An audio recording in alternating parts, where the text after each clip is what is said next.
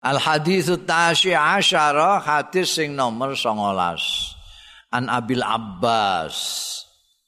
Sangka Abil Abbas. Asmane dhewe Abdullah bin Abbas. Berarti Abdullah bin Abbas iki duwe putra jenenge Abbas juga. Al Abbas bin Abdullah bin Abbas. Radhiyallahu anhuma. Kedua-duanya baik Abdullah maupun Abbas itu sahabat Kanjeng Rasul, malah pamane. Kala ngendika sapa Abdullah bin Abbas kuntu khalfan nabi. Kuntu ana sapa ingsun iku khalfan nabi. Ana ing gurine Kanjeng Nabi Muhammad sallallahu alaihi wasallam yauman ing dalem suwijining dina digunceng mek Kanjeng Rasul di belakangnya ya.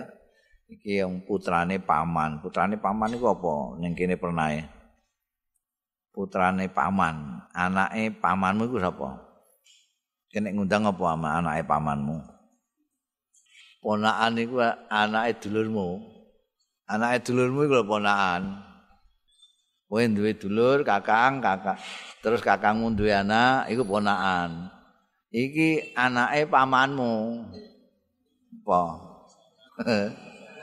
ya isanan isanan ngundang emas podik ngono kan?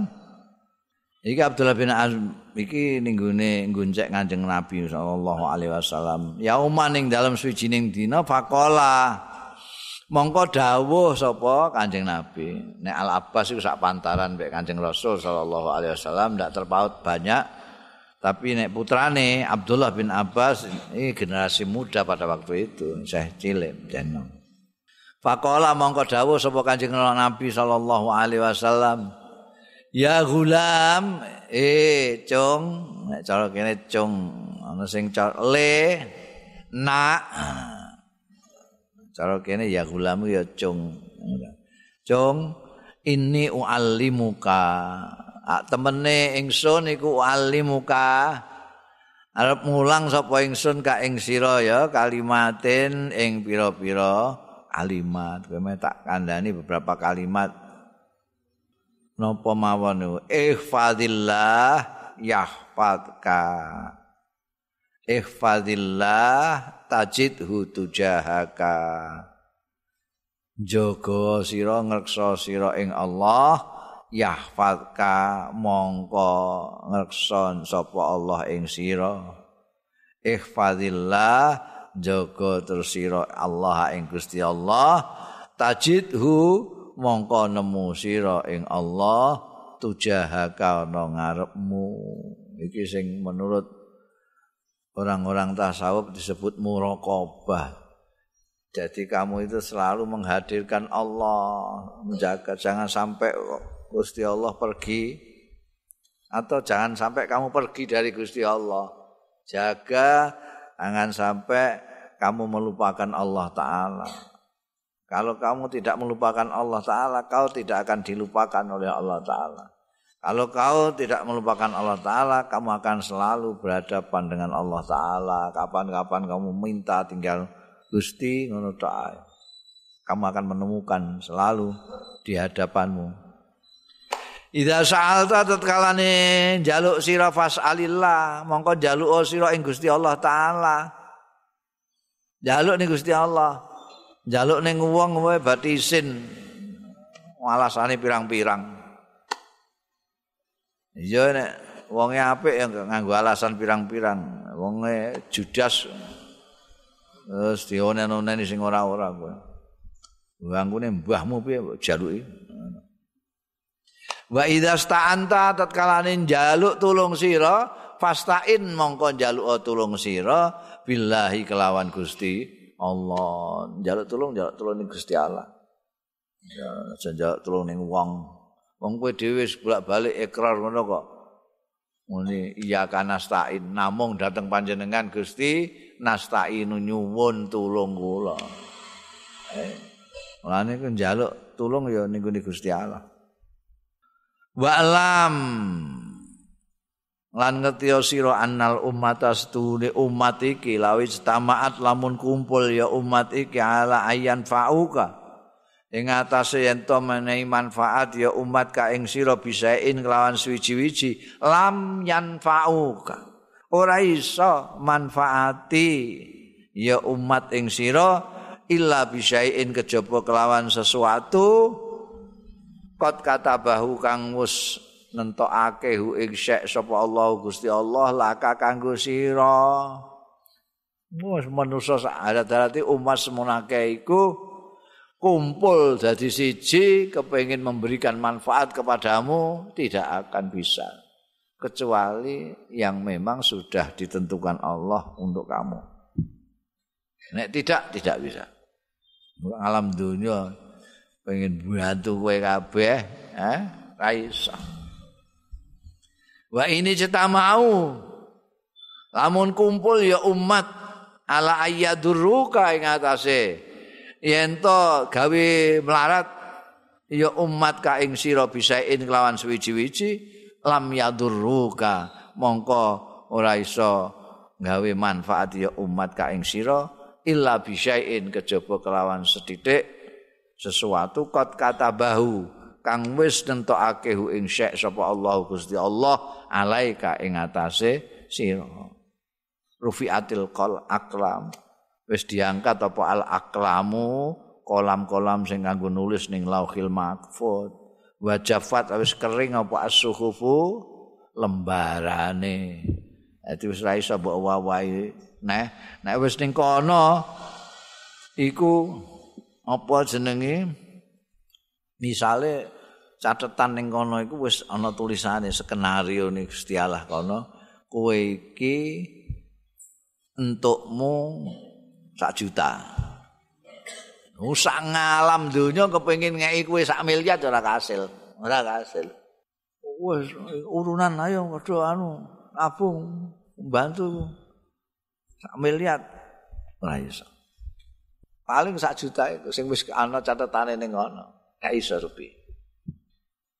Umpamane ameh naton iku emeh melarati awakmu juga demikian mosok alam dunia kepengin menjarakno kowe Gusti Allah ning kono catatane gak ono ya ora iso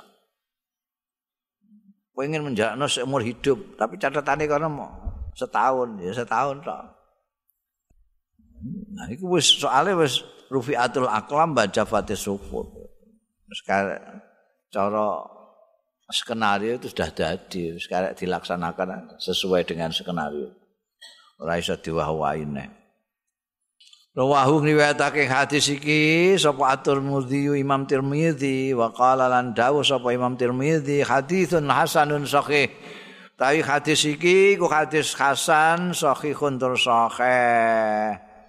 Wa fi riwayatin nan iku kesebut ana ing swijining riwayat ghairi Tirmizi liyane Imam Tirmizi utawi redaksi ikhfadillah tajidhu amamaka. Nek mau ikhfadillah tajidhu tujahaka. Ada riwayat lain yang bukan dari Imam Tirmidzi. Redaksi ini ikhfadillah tajidhu amamaka. Maknanya bodoh. Tujahaka yang ngarep, amamaka yang ngarep. Ta'arraf ilallahi firraqa ya'rifka fisidda. Ngenalo sira ilallahi marang Gusti Allah firraqa yang dalam makmur kecukupan ya'rif kamangka ngenal ing sira sapa Allah fisidat ing dalam kecupetan dalam kegentingan dalam keadaan baik-baik kowe gak kenal Gusti Allah ya kowe kesengkek kok Gusti Allah mbok ngongkon eling kowe iku lha nek kowe kepengin ya iki redaksi ning ngene riwayat liyane saka Imam Tirmidzi nek mau kan Idza sa'alta fas'alillah. Iki ning kene. Nek kowe dalam keadaan kecukupan, makmur, gembira, eh, normal, kowe kenal tetap kenal karo Gusti Allah, eling Gusti Allah. Alhamdulillah Gusti panjenengan paringi urip makmur. Engko nek kowe kepepet dalam keadaan genting, Allah akan tetap mengenalmu. Wa lam anna ma'ahto'aka iki redaksi riwayat mau sing liya.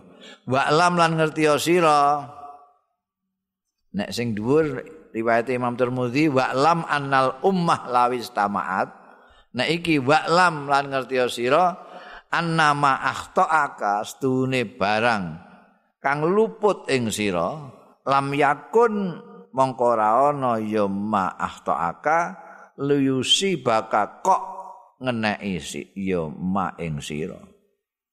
Wa ma asobaka utahi barang sing ngeneki ya ma ing sira lam yakun mongko ora ana ya ma'asobaka liyukhti aka iku kok luput ing sira. Jadi ketentuan ning gone anu kuwi enak nek pancen ning kono ning gone skenario ne kuwi ora kena ya mesti ora kena nek catetane kuwi kena ora iso endo ning dindia mesti kena kuwi kena wa'lam annan nasra ngerti sira annan nasra setuhune pitulungan iku ma'as sabri sartane kesabaran. Eh, kemenangan itu bersama kesabaran. Nek gak sabar ya gak iso. Wa annal faraja ma'al karab lan setuhune jalan keluar iku ma'al karab sartane kesusahan wa anna ma'al usri yusran. Nah setuhune iku ma'al usri sartane angel yusran ana gampang. Bersama iku ya ma'a itu bersama. Ora kok bar angel lagi gampang bar angel lagi gampang. Gak bareng-bareng. Ana angel ana gampang. Wis ah. Dadi kowe ana sabar ana kemenangan Kowe nek gak sabar ya ora iso menang. Ana kesedihan, ya ana jalan keluar bagaimana supaya tidak sedih. Itu no. Urip ning dunia iku wis diatur karo Gusti Allah taala sing gawe dunya gawe awake dhewe itu sedemikian rupa. Jadi iki wis mumpang nek cara anune wong iku wis dadi hukum alam aja. Hukume Gusti Allah. Jadi An-nasru ma'as sabr, al-faraj ma'al karab, wal usri ma'al yusri.